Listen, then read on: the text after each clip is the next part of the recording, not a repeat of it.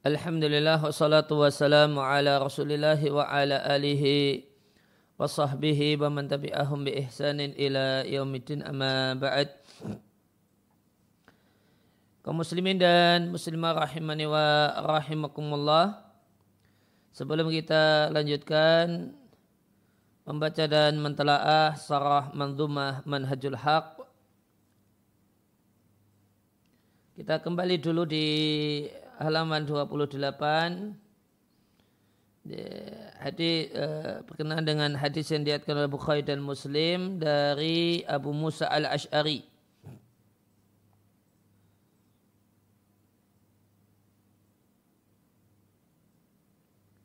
Saya ingin bacakan hadis ini dengan uh, mengacu pada Sarah Sahih Muslim Al-Bahru Al-Muhid Al-Thajjaj karya Syekh Muhammad Ali Adam rahimallahu taala. Dari Abu Musa Abdullah bin Qais Al-Asy'ari radhiyallahu anhu Beliau mengatakan kami bersama Nabi Shallallahu Alaihi Wasallam dalam satu perjalanan yaitu perjalanan peperangan tepatnya itu adalah perang Khaybar.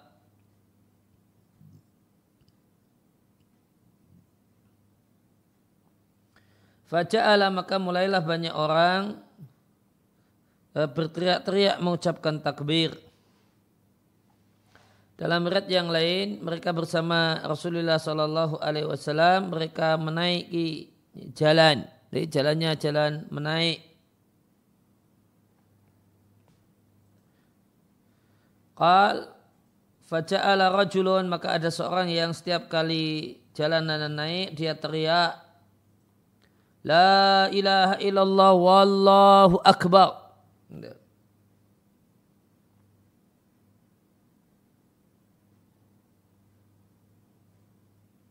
Dalam salah satu riwayat Bukhari, kami bersama Rasulullah Sallallahu Alaihi Wasallam dalam satu peperangan, yaitu perang Khaybar.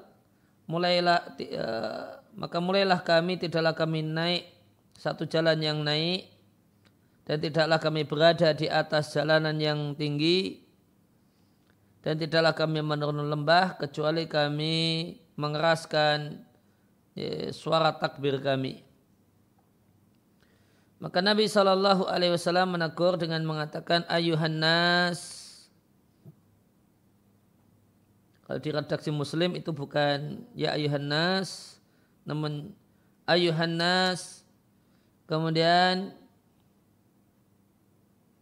uh, nampaknya kalau dicetakan Mandumah Manatu Manyatul Haq salah harokatnya kalau di situ irbiu. Yang betul irba'u. Yang betul irba'u. Dijelaskan cara bacanya bihamzatil waslil maksurati dengan hamzah wasal yang dikasrah irba'u kalau disambung dengan anas ya ayuhan nasar gitu Kemudian bi fatil ba al muwahadah. Ba yang titiknya satu dibaca fathah. Jadi irba'u. Maknanya urfuku bersikap lembutlah kalian.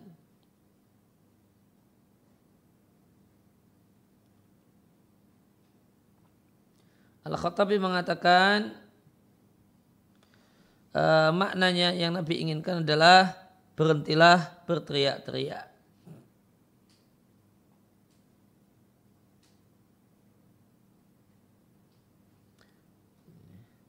Pada makna atau maknanya adalah uh, lembutlah kalian, jangan kalian payahkan diri kalian dengan terlalu ngotot, ya, bersuara keras. Kata An-Nawawi ketika menjelaskan saya Muslim irba'u bihamzati waslin wa bi fatil ba al muwahadah irba'u. Maknanya urfuku bi anfusikum. Lembutlah kalian dengan diri kalian sendiri wakhfidhu aswatakum. Rendahkanlah suara kalian karena suara yang meninggi, suara yang keras hanyalah dilakukan oleh seseorang karena jauhnya orang yang diajak bicara. Maka dia keras supaya orang tersebut dengar. Sedangkan kalian berdoa dan menyeru kepada Allah Ta'ala yang Allah tidaklah tuli, tidak pula uh, tidak pula jauh. Dia maha mendengar dan dekat. Dia bersama kalian dengan ilmu dan ihatahnya.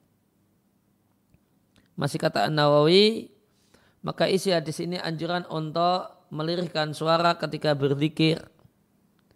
Jika tidak ada kebutuhan yang mendorong untuk mengeraskan suara.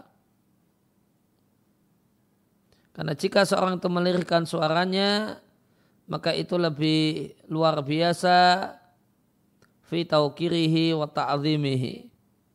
Ya, lebih maksimal dalam menghormati dan memuliakan Allah.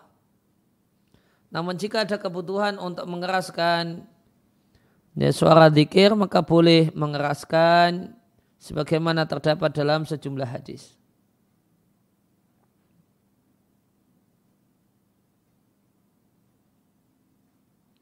ala angfusikum ya, lembutlah dengan diri kalian sendiri. Innakum laisa tada'una kalian tidaklah berdoa dan ini adalah kalimat ini adalah alasan kenapa diminta untuk lembut.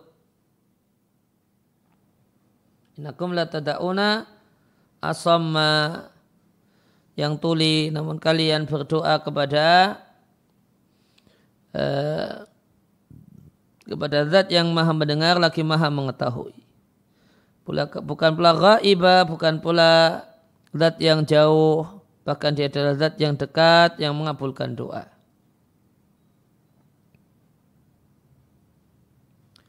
Wa ma'akum dan dia Allah bersama kalian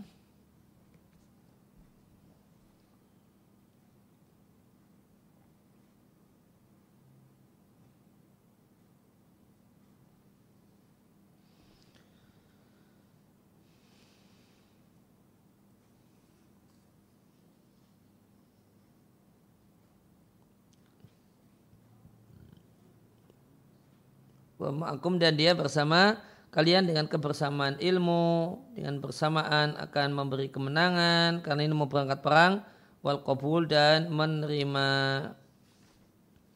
yaitu menerima ya, atau di yaitu menerima amal.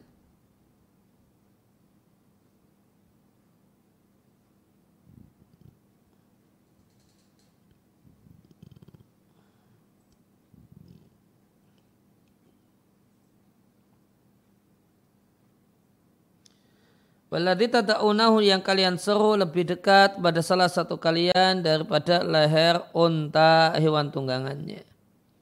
Kata An-Nawawi al-murad yang diinginkan adalah tahqiq sama doai. Menegaskan dan memastikan kalau dia adalah Allah adalah zat yang mendengar doa.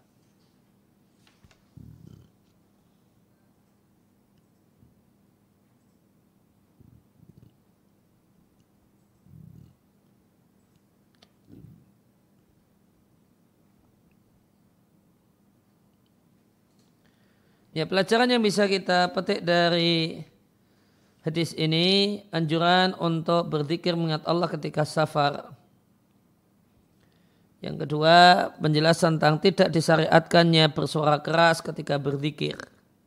Dan yang dimaksud dengan suara keras di sini adalah terlalu keras, ngotot kerasnya. Bukan semata-mata mengeraskan suara dalam pengertian bisa didengar orang di dekatnya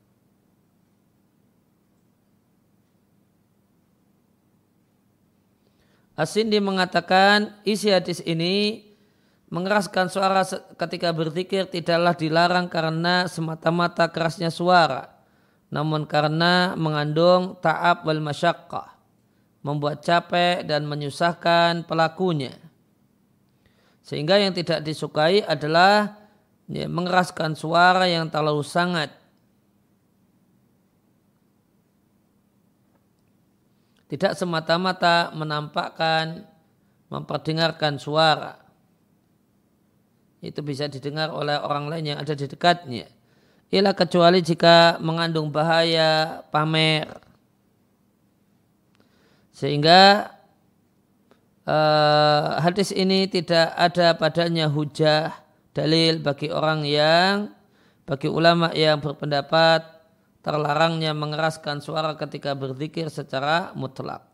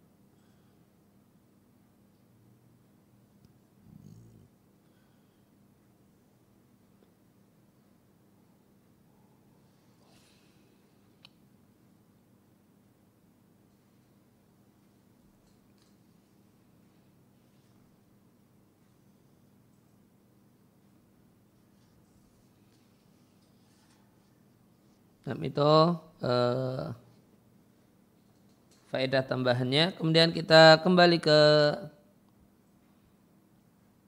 halaman 31.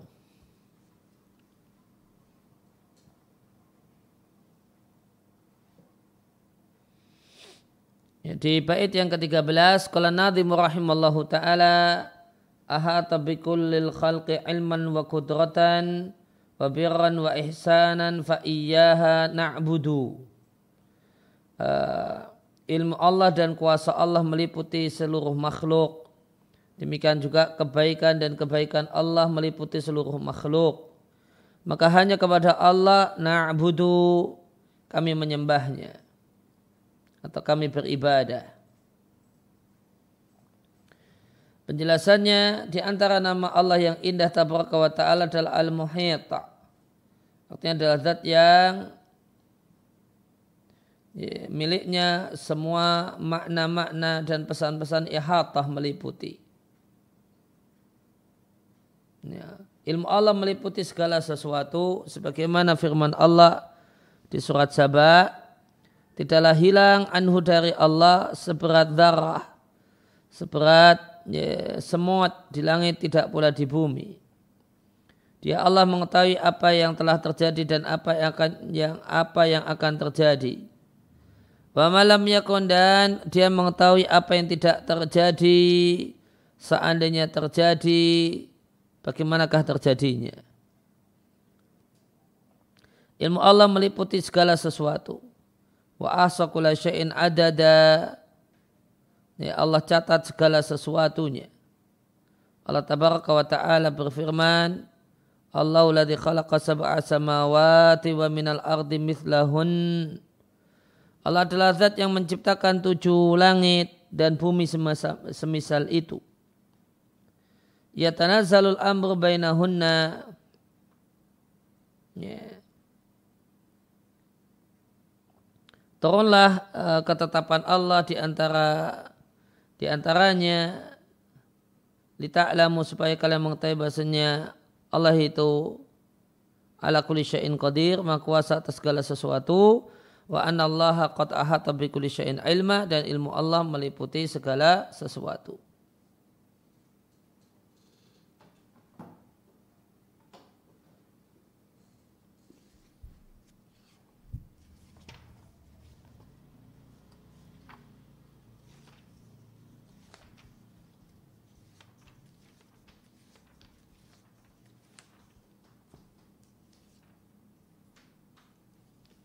At-Talaq ayat 12, ayat terakhir.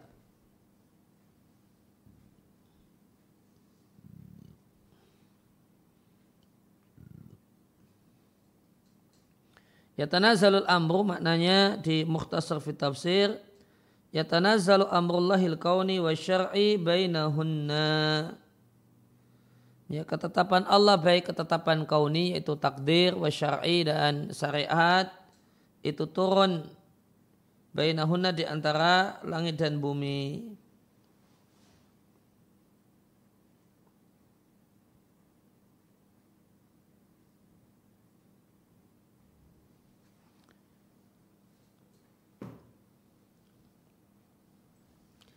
Nah, kemudian halaman 32 dan kuasa Allah meliputi segala sesuatu.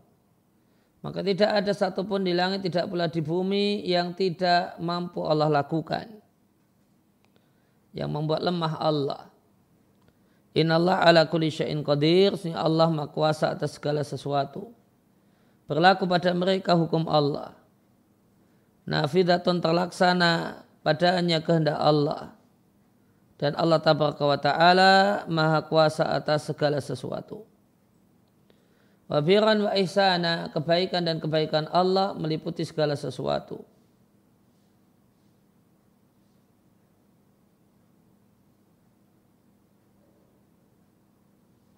Maka segala karunia yang dirasakan oleh hamba, wa in'am, pemberian nikmat dan pemuliaan semuanya berasal dari Allah Subhanahu wa taala.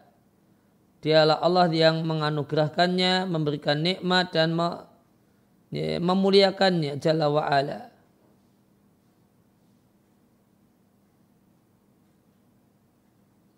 Maka dia Allah meliputi seluruh makhluk bi asriha seluruhnya dengan kebaikannya wa manihi dan anugerahnya wa ata'ihi dan pemberiannya.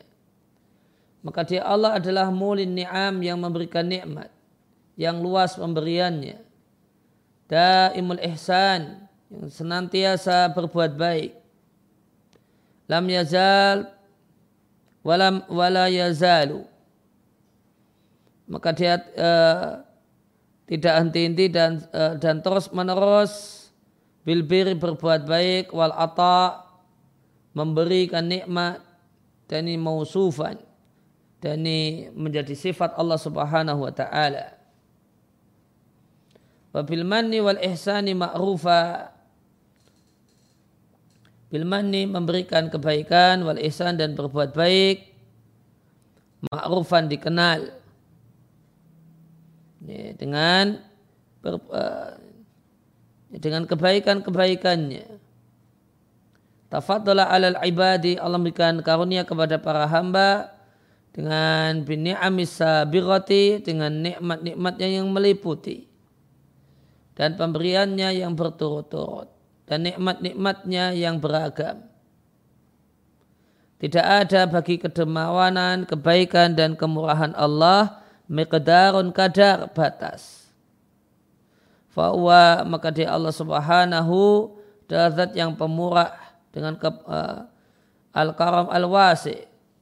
Pemurah dan dermawan dengan kedermawanan yang luas. Dan nikmat yang berturut-turut dan pemberian yang miqdar berlimpah.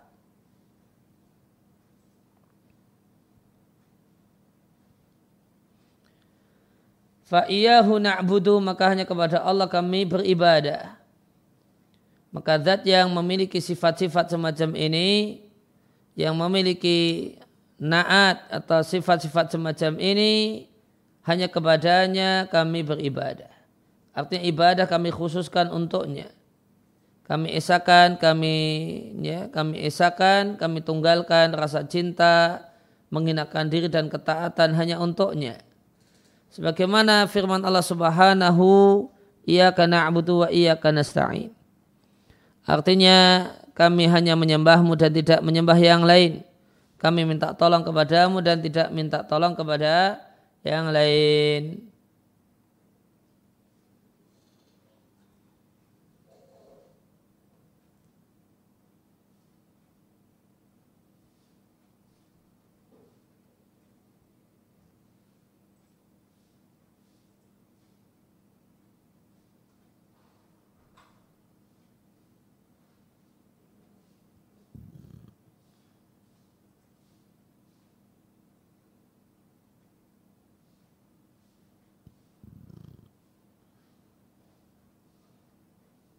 Sebelum dilanjut tadi ada an-nawal, nawal artinya pemberian.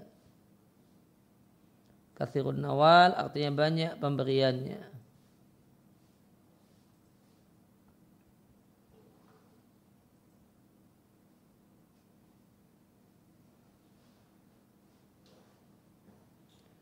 Midrar artinya ghazir, berlimpah. Al-ata al-midrar berlimpah. Ya, baik yang ke-14. Kalau Nadim rahimallahu taala wa yubziru dzaratil awalimi kullaha wa yasma'u aswatal ibadi wa yashhadu. Allah melihat semua yang ada di awalim jagat raya berbagai macam alam meskipun cuma seukuran darah semut kecil. Seluruhnya Allah lihat. Allah mendengar suara para hamba dan Allah menyaksikannya. Isi bait ini adalah menetapkan bahasanya Allah Subhanahu wa taala basirun bibasarin. Dia maha melihat dan dia melihat. Ya, dengannya Allah melihat semua makhluk. Jaimal kainat wa kulal makhlukat. Semua makhluk dan semua makhluk. Dia melihat dia Allah melihat daratil awali, awalimi kulliha Artinya melihat segala yang kecil-kecil, ada kikah yang kecil, yang sangat kecil, yang normalnya seorang itu tidak bisa melihatnya dengan matanya. Namun Allah Jalla wa'ala melihat itu semua. Maka jika yang kecil itu atau Allah lihat, bagaimanakah lagi dengan sesuatu yang lebih besar dan lebih besar. Maka Allah subhanahu wa ta'ala zatnya ada di atasnya langit yang ketujuh. Meskipun demikian, dia Allah melihat langkah semut hitam di atas batu yang keras fi lailatul dhulma di malam yang gelap. Maka semut dengan sifat semacam ini hitam di malam yang gelap pada batu yang keras Siapa manusia yang melihatnya? Laudana waktarba minha.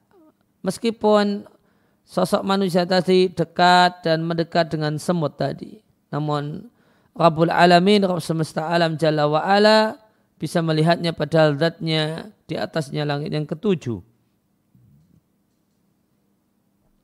Bahkan Allah melihat semua bagian dari bagian-bagian semut tersebut dan aliran makanan di badan di badannya yang demikian kurus.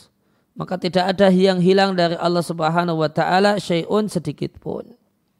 Ibnu Al-Qayyim rahimahullah taala di kitabnya Tariqul Hijratain mengatakan Al-Basir zat yang Maha melihat yang karena demikian sempurnanya penglihatan Allah maka Allah bisa melihat rincian fisik semut yang kecil dan anggota tubuhnya Eh, dagingnya, darahnya, otaknya dan uh, pembuluh darahnya.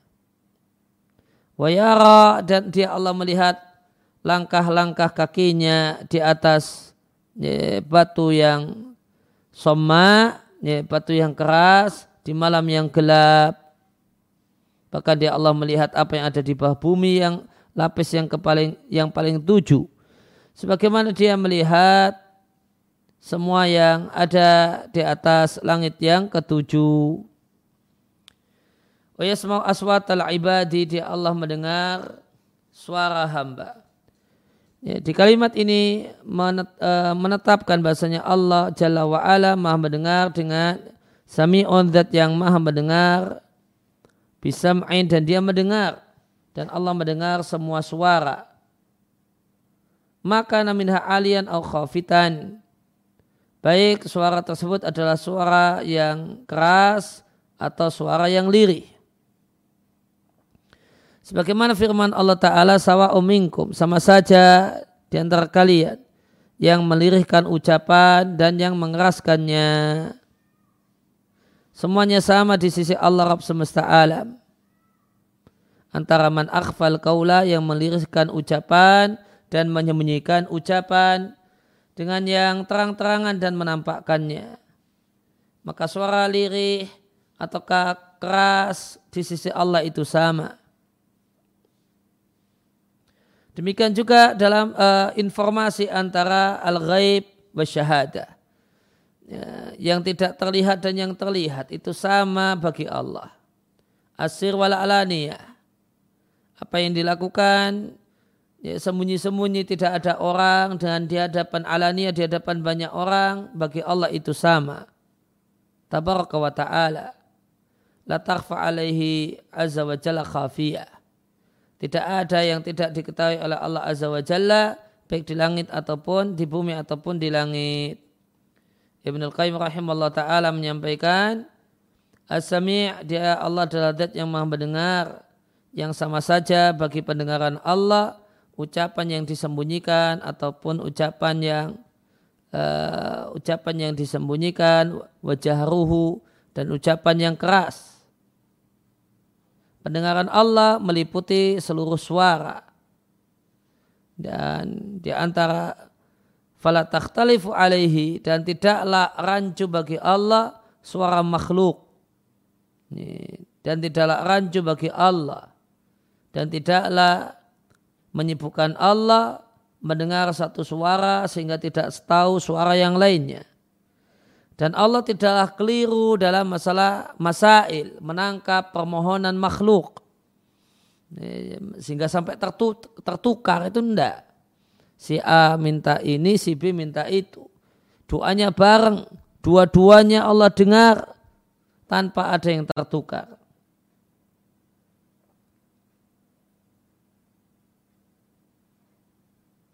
Dan tidaklah bikin uh, jengkel Allah banyaknya orang yang meminta.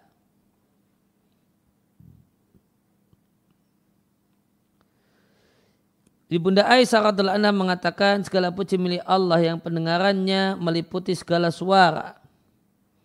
Sungguh wanita tersebut datang mendebat uh, wanita yang mendebat itu datang mengadu kepada Rasulullah sallallahu alaihi wasallam. Sungguh tidak terdengar bagiku sebagian perkataannya namun Allah Azza wa Jalla menurunkan firman-Nya, sungguh Allah mendengar ucapan seorang wanita yang mendebatmu tentang suaminya dan dia mengadu kepada Allah. Allah mendengar dialog engkau berdua, sehingga Allah Maha mendengar lagi Maha melihat.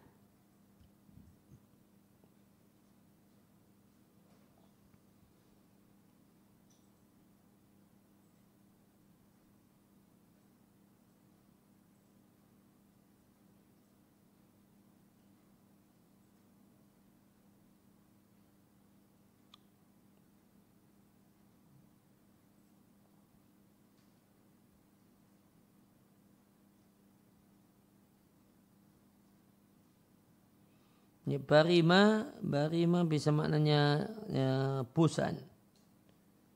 Jadi ada kata-kata ya berumu kasratu sa'ilin. Tidaklah bikin bosan Allah banyaknya orang yang meminta dan memohon. Ya, lanjut di halaman 34. Ya, seandainya semua hamba seluruhnya kumpul dari yang pertama sampai yang terakhir, baik manusia ataupun jin, laki-laki ataupun perempuannya, yang kecil, yang anak-anak ataupun dewasanya di satu tanah lapang. Semua mereka berdoa dan meminta di eh, ke depan mata yang sama. Filahdatin wahidatin. Dalam detik yang sama. Masing-masing dengan dialeknya dan bahasanya masing-masing dengan kebutuhannya. Seandainya itu terjadi, niscaya Allah Taala mendengar suara semua mereka tanpa tercampur bagi Allah suara A dengan suara B, bahasa A dengan bahasa B, kebutuhan A dengan kebutuhan B.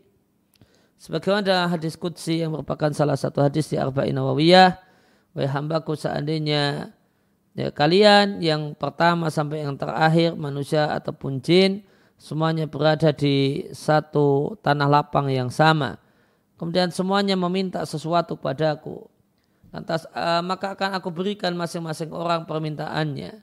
Dan itu tidaklah mengurangi perbendaraanku sedikit pun. Kecuali sebagaimana satu jarum uh, mengurangi ye, ye, berkurang ketika dimasukkan ke mengurangi lautan ketika dia dimasukkan di lautan yaitu sama sekali tidak mengurangi. Wa yashhadu artinya yatali alaihim melihatnya. Dan di antara nama Allah Taala yang indah adalah asyahid.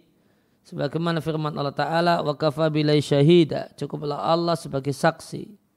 Dan di antara makna asyahid bagi Allah adalah al-mutali' yang mengetahui para hamba. Perbuatannya, ucapannya, kelakuannya sehingga tidaklah samar bagi Allah taala minha khafiyatun satupun yang samar dan tidak jelas.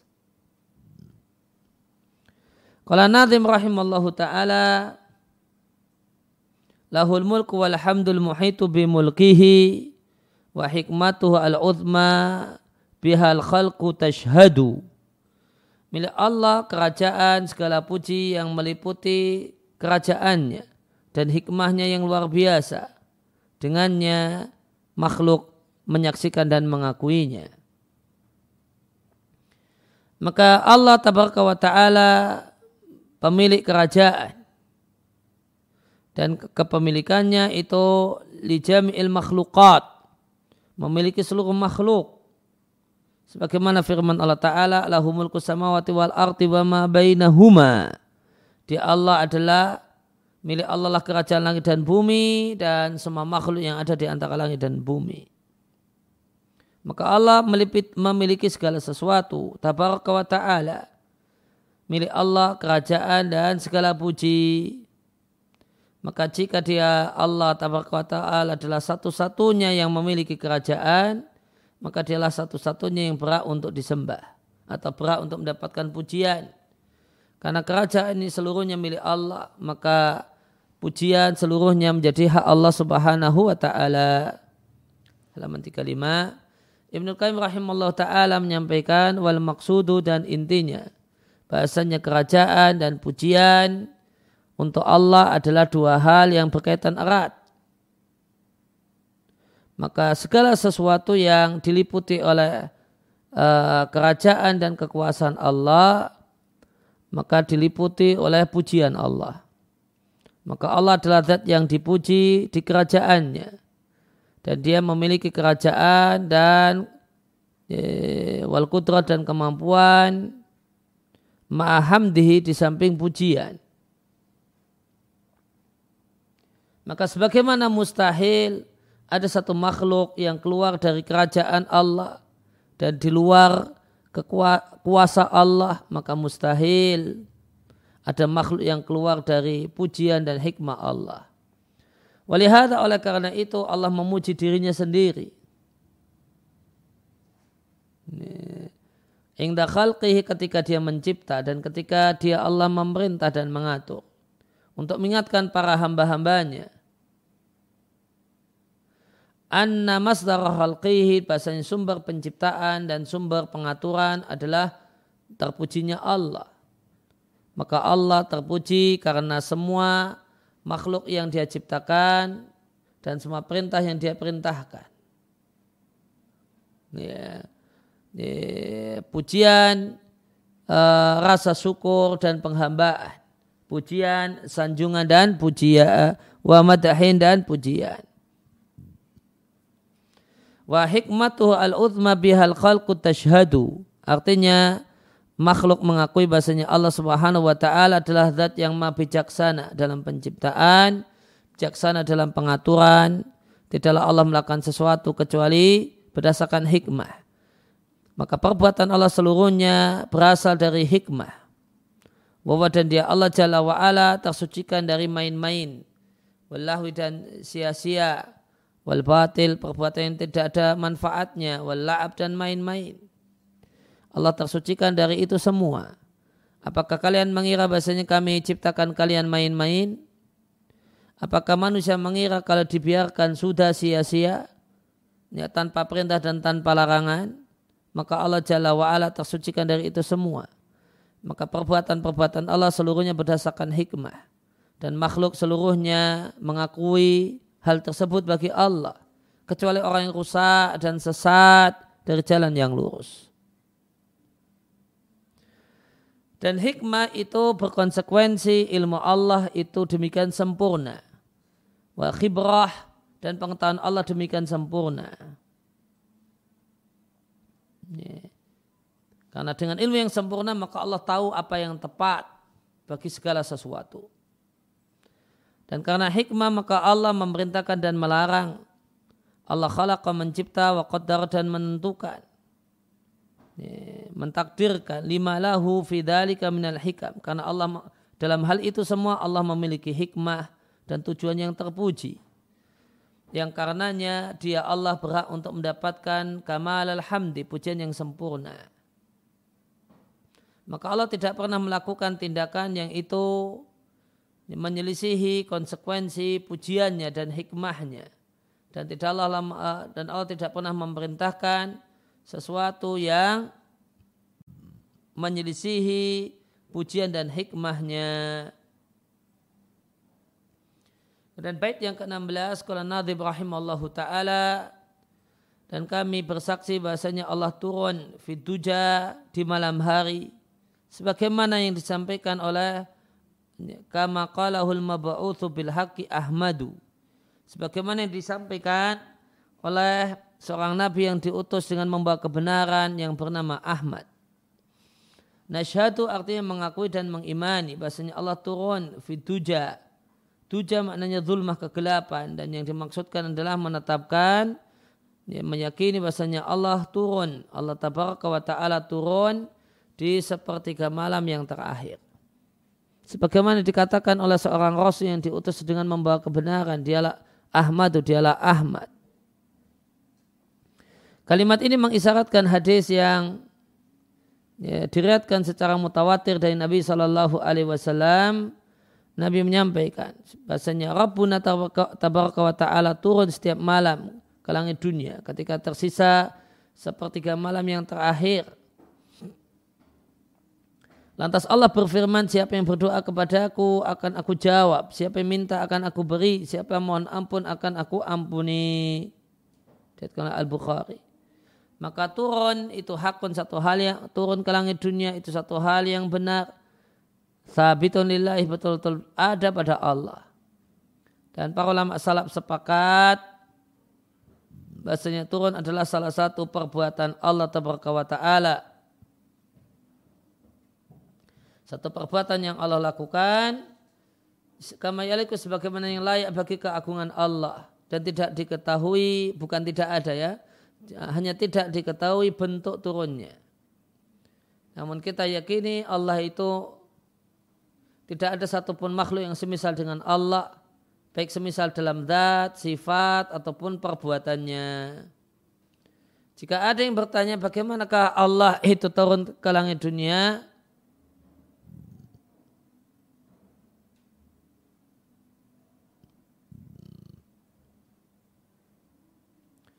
Maka uh, jawabannya kilalahu kami kita balik bertanya. Kaifa huwa? Bagaimana zat Allah? Maka jika dia mengatakan, aku tidak tahu bagaimana zat Allah. Maka kita berikan jawaban, demikian juga kami tidak mengetahui bagaimanakah bentuk dari turunnya Allah.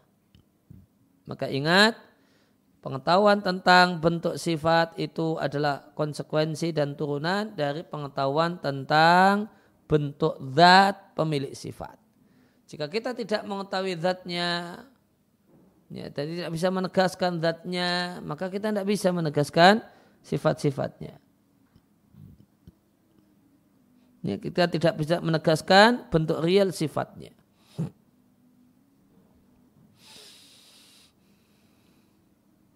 Kemudian kala Nadim rahimallahu taala di bait yang ke-17.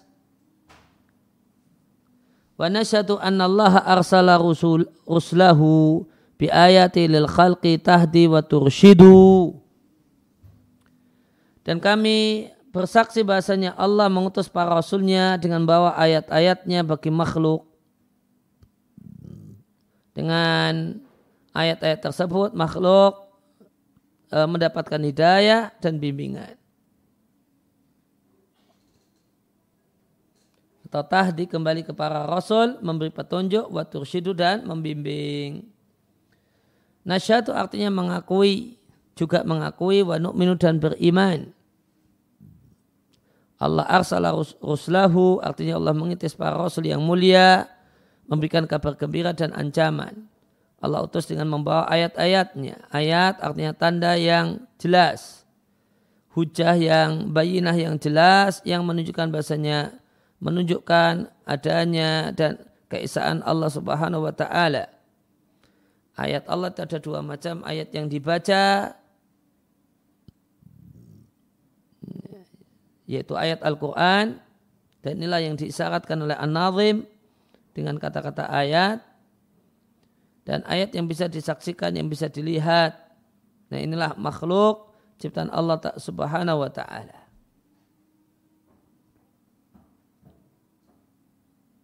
Biwahyihi bi, uh, bi ayat dengan ayat-ayat Allah itu dengan bahwa wahyu yang diturunkan oleh Allah wa ma'ala rasuli ilal balagul mubin. Tidaklah kewajiban Rasul kecuali menyampaikan sejelas-jelasnya.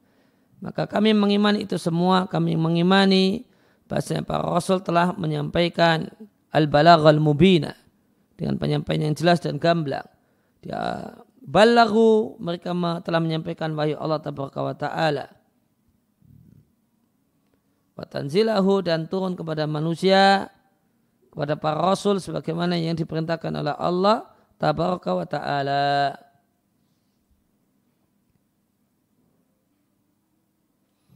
Lil khalqi bagi makhluk ya, ayat Allah utus dengan ayat lil khalqi bagi makhluk.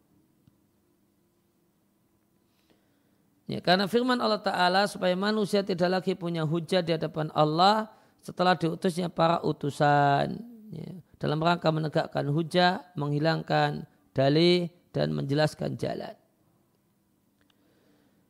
Suma bayana muhimmata rusuli kemudian an menjelaskan tugas para rasul dengan mengatakan tahdi wa turshidu. Memberikan hidayah dan bimbingan. Yang dimaksudkan dengan hidayah, hidayah dalalah wal irsyad sama dengan hidayah ilmu. Sebagaimana firman Allah Ta'ala, Wa inna kala tahdi ila siratim mustaqim, sungguh engkau memberi petunjuk menuju jalan yang lurus. Artinya tadulu wa turshidu, menunjukkan dan memberikan bimbingan. Sedangkan hidayah taufik, maka eh, fahadi laisat illa lillahi. Maka itu tidak ada kecuali bagi Allah uh, tabaraka wa ta'ala, Rabb semesta alam. Sebagaimana firman Allah subhanahu wa ta'ala, Laisa alaika hudahum, bukanlah kewajibanmu mereka mendapatkan petunjuk. Dan firman Allah, inna kala tahdi man ahbabta. Engkau tidak bisa memberikan petunjuk kepada orang yang engkau cintai.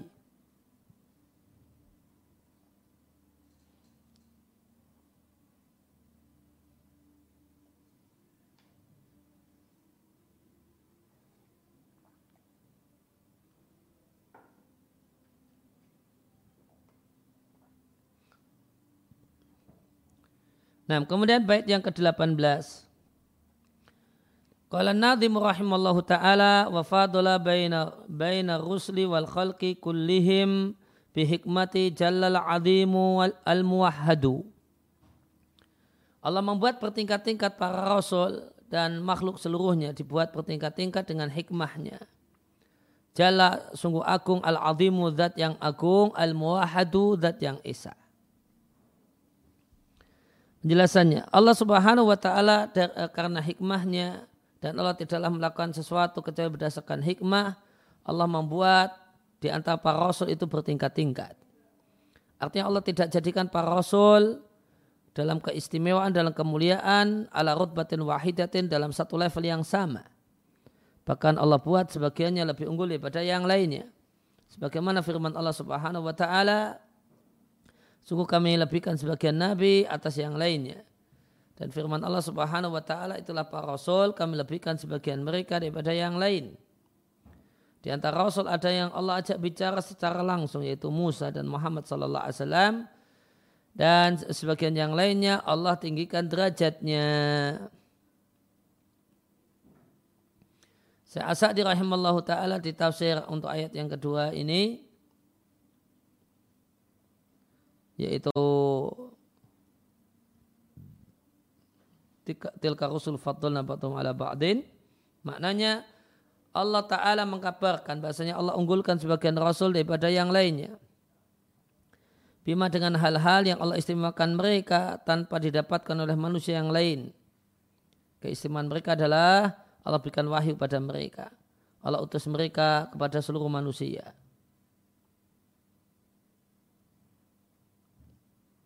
Dan mereka mengajak makhluk untuk kembali kepada agama Allah Subhanahu wa taala.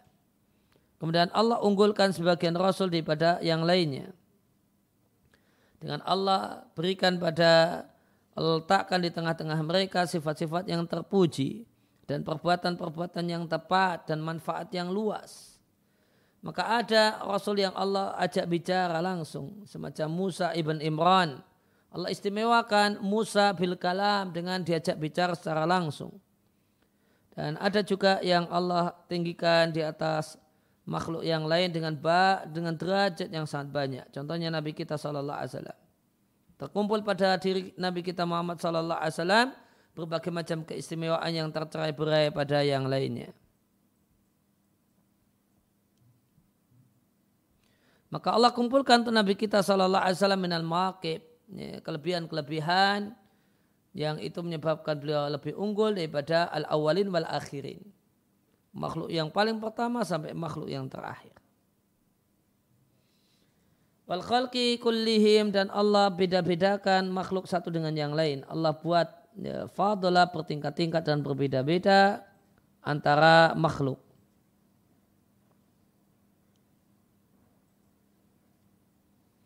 Fataba, fatafa dulu maka bertingkat-tingkatnya makhluk itu satu hal yang ada bertingkat-tingkatnya manusia itu satu hal yang ada di antara para rasul bahkan di antara bainal khalqi di antara makhluk.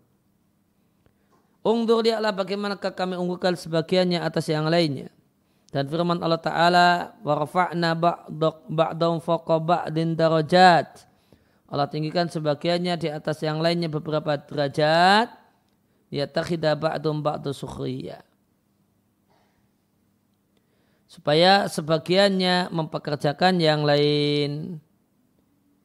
Maka mufadalah dibuat ini bertingkat-tingkat, berbeda-beda. Itu satu hal yang ada pada pada makhluk. Mereka makhluk tidak ada, tidaklah berada di level yang sama. Oleh karena itu, maka bertingkat-tingkatlah kedudukan dan derajat nanti di hari kiamat nanti.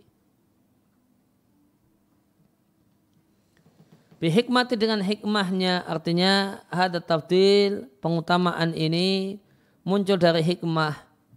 Maka Allah Jalla wa'ala tersucikan dari muncul darinya sesuatu tanpa hikmah. Jalla artinya tanazah tersucikan wa taqaddasa dan tersucikan di Allah subhanahu wa ta'ala. Al-azim dia adalah zat yang agung. Ya, azim adalah salah satu nama Allah Ta'ala. Isi nama Al-Azim adanya keagungan pada zat, nama, sifat dan perbuatan Allah. Al-muahatu zat yang isa, yaitu zat yang wajib. Ya, ayufroda bitauhidi. Diisakan dengan tauhid. Dan dimurnikan baginya ibadah dan ketaatan. Dan tidaklah dijadikan bersamanya syarikun sekutu. Thumma kemudian tatkala uh, An-Nadim telah menyebutkan bertingkat-tingkatnya para rasul dan makhluk. Kemudian An-Nadim bayana menjelaskan bahasanya makhluk yang paling mulia derajatnya dan yang paling tinggi kedudukannya karena dia adalah Sayyidul Awaladi Adam, pemimpin seluruh anak keturunan Adam adalah Nabi kita Muhammad sallallahu alaihi.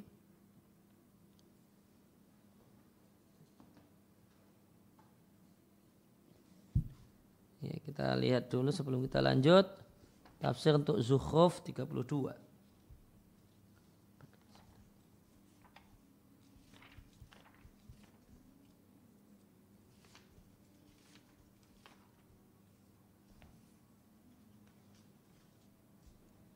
Zukhruf 32.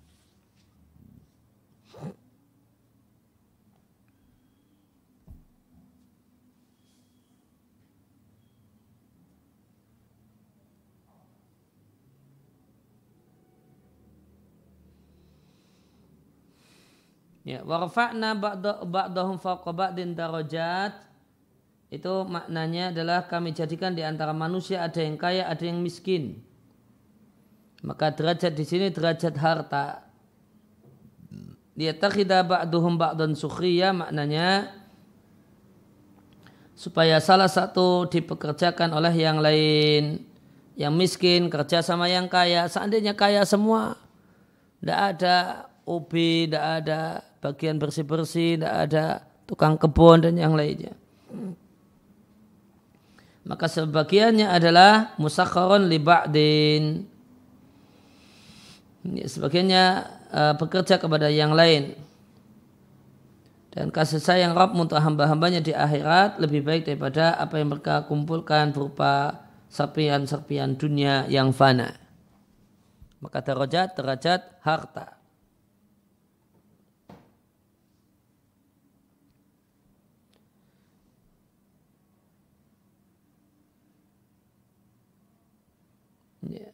Maka bait uh, yang ke-19 qala nadhim rahimallahu taala fa afdalu khalqillahi fil ardi was sama nabiyul huda wal alamina Muhammadu. Ya, makhluk Allah yang paling mulia di langit dan di bumi adalah nabi pembawa hidayah. Dan nabi untuk semesta alam itulah Muhammad. Maka penjelasannya, maka Muhammad adalah Muhammad sallallahu alaihi wasallam adalah manusia makhluk yang paling mulia. Pemimpin anak keturunan Adam sallallahu alaihi wa barakatuhu alaihi. Syekhul Islam Taimiyah rahimahullah taala mengatakan Muhammad sallallahu alaihi wasallam adalah rasul yang paling mulia dengan sepakat seluruh kaum muslimin. Akan tapi terjadi perselisihan Hal huwa afdal min jumlatihim. Apakah dia Muhammad itu lebih mulia dari semua mereka? Sejumlah ulama menegaskan bahasa Muhammad itu afdal lebih mulia. Yang paling mulia. Sebagaimana siddiqnya yaitu Abu Bakar as-siddiq. Jika imannya ditimbang dengan iman seluruh makhluk maka yang lebih berat adalah timbangan imannya Abu Bakar.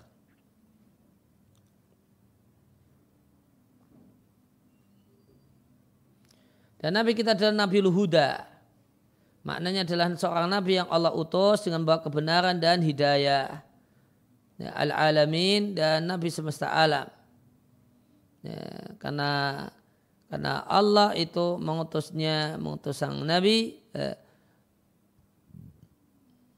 alladzi ba'asahu Allah Subhanahu wa taala yang Allah utus sebagai rahmat bagi semesta alam.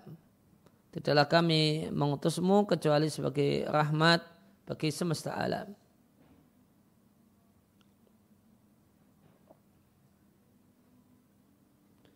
Kemudian kala nadim kemudian di bait yang ke-20 kala nadim rahimallahu taala wa khassalahu rahmanu ashabahu al-ula aqamul huda wa dina haqqa wa mahadu. Maka Allah Ar-Rahman mengistimewakan untuk untuk Muhammad sallallahu alaihi wasallam ashabahu para sahabat-sahabatnya Al-ula bimakna alladhi. Yang mereka adalah orang-orang yang menegakkan hidayah dan agama dengan benar. Wa mahadu dan melapangkannya penjelasannya. Ai anallaha bahasanya Allah Subhanahu wa taala memilih untuk nabinya sebagai sahabat-sahabat yang uh, memilih bagi nabinya sahabat yang mulia qamu binusratihi wa mu'azaratihi. Yang mereka kamu binusratihi menolongnya dan membantunya maka mereka para sahabat menolong sang Nabi dan membantu sang Nabi Sallallahu Alaihi Maka mereka adalah sebaik-baik manusia. Afdalal alamin. Dari sekian banyak makhluk mereka lah para sahabat Nabi yang paling mulia. Dan yang paling mulia dari umat-umat para Nabi. Lah karena belum pernah ada dulu walayakunu dan yang akan datang tidak akan pernah ada semisal para sahabat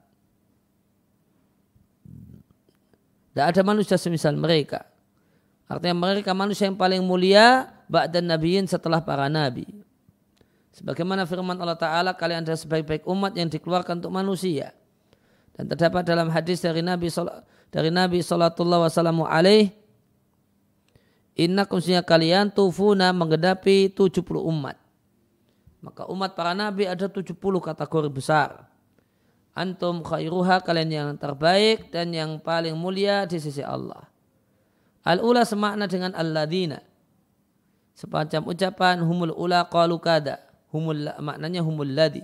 Mereka orang-orang yang mengucapkan demikian dan demikian. Maka mereka para sahabat menegakkan hidayah dan agama hakka dengan betul-betul. Menegakkan dengan benar. Artinya dengan jeripayah yang besar dan berbagai macam amal dan aktivitas yang banyak yang diberikan oleh mereka-mereka para sahabat dalam rangka menyebarluaskan dan menyampaikan ya, mentablikkan agama Allah tabaraka wa taala. Maka mereka adalah orang yang paling berhak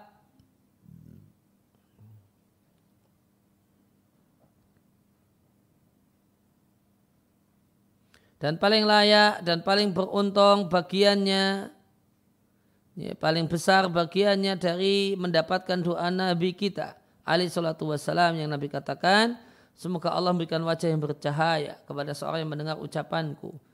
Lantas dia menyerapnya dan menghafalnya dan lantas menyampaikannya. Betapa banyak orang yang membawa fikih Kemudian tidak faham. Dia sampaikan kepada orang yang malah lebih paham daripada dirinya.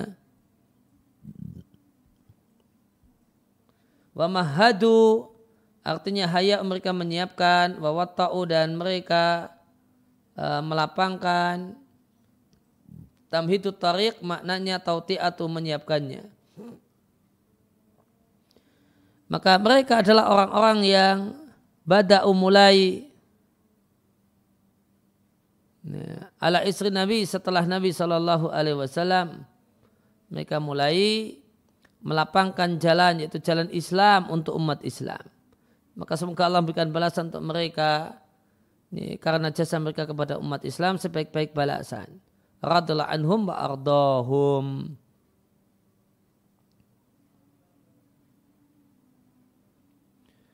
Bayana kemudian An-Nazim menjelaskan kewajiban terhadap para sahabat dengan beliau katakan fahubu jami'il ali wa sahbi indana ma'asir ahli al-haqqi fardun mu'akkadu.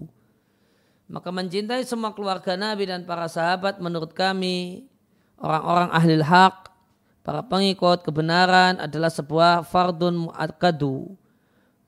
Kewajiban yang ditekankan. Artinya mencintai mereka-mereka para sahabat seluruhnya dan mencintai keluarga Nabi Shallallahu Alaihi Wasallam adalah agama dan amal yang mendekatkan diri kepada Allah. Seorang kaum muslimin mendekatkan diri kepada Allah dengannya. Subhanahu wa ta'ala. Dan membenci sahabat adalah kemenafikan dan tindakan melampaui batas.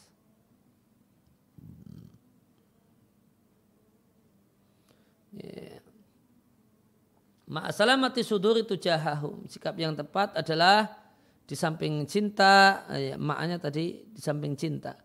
Mencintai keluarga Nabi dan para sahabat Nabi, ma'a ditambah dengan salamatu sudur. Ya, dada yang bersih terhadap para sahabat. Sebagaimana firman Allah Subhanahu wa taala dalam Al-Qur'an, "Walladzina ja'u min ba'dihim" dan orang-orang yang datang setelah mereka mengatakan, Rabbana ighfir lana wa li ikhwanina alladhina sabaquna bil iman wa la taj'al fi qulubina ghillan lil ladzina amanu rahim. Yalah ampunlah kami dan saudara-saudara kami yang mendahului dalam iman. Janganlah engkau letakkan dalam hati kami rasa jengkel, iri dengki dengan orang-orang yang beriman. Wahai Rabb kami sesungguhnya engkau dan maha penyayang dan maha penyayang. Maka manusia yang terbaik berkenaan dengan para sahabat yang ada di surat Al-Hasyr ini adalah orang yang ada pada dunia dua hal. Yang pertama terjaganya lisan. Diambil dari irfir lana wal ikhwanina alladina sabakuna bil iman. Yang kemudian ya, terjaga dan bersihnya hati. Wala taja'al fi kulubina ghillah. Ya, janganlah engkau jadikan di hati kami ada ganjalan dengan mereka para sahabat.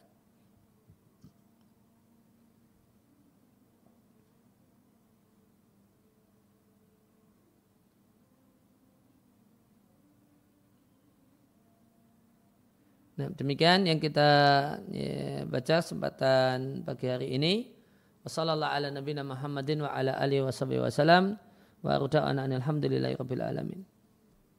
Ada pertanyaan? Bismillahirrahmanirrahim. Baik, kami akan membacakan pertanyaan yang telah masuk. Pertanyaan pertama Ustaz. Assalamualaikum Ustaz. Waalaikumsalam warahmatullahi. Ahsanallahu alaikum Ustaz. Wa ilaikum. Apakah berdoa dalam hati didengar dan dapat dikabulkan oleh Allah Azza wa Jalla Ustaz? Ya Allah Allah mengetahui lintasan pikiran namun orang yang uh, melewatkan hal-hal yang dia inginkan di hatinya dia tidaklah tergolong orang yang berdoa. Untuk disebut orang yang berdoa harus ada ucapan lisan. Nah. Baik Ustaz. Pertanyaan terakhir. Assalamualaikum Ustaz. Waalaikumsalam warahmatullahi. Assalamualaikum Ustaz. Waalaikum. Izin bertanya Ustaz, apakah ketika kita bertaubat harus menyebutkan dosa-dosa kita? Ya, tobat dari maka tobat ada parsial dan ada tobat total. Kalau tobatnya parsial dalam keadaan punya uh, maksiat-maksiat yang lain yang belum tobat, ya maka mengadu kepada Allah, ya Allah ampunilah dosaku yang ini. Ya, namun kalau seluruh do, uh, bertobat dari seluruh dosa, maka ya Allah ampunilah seluruh dosaku. Nah, dan itulah uh, dan itulah penyesalannya dan itulah tobatnya. Ya, maka demikian redaksinya. Nah, demikian subhanakallahumma bihamdika asyhadu an la ilaha illa anta astaghfiruka wa atubu ilaik.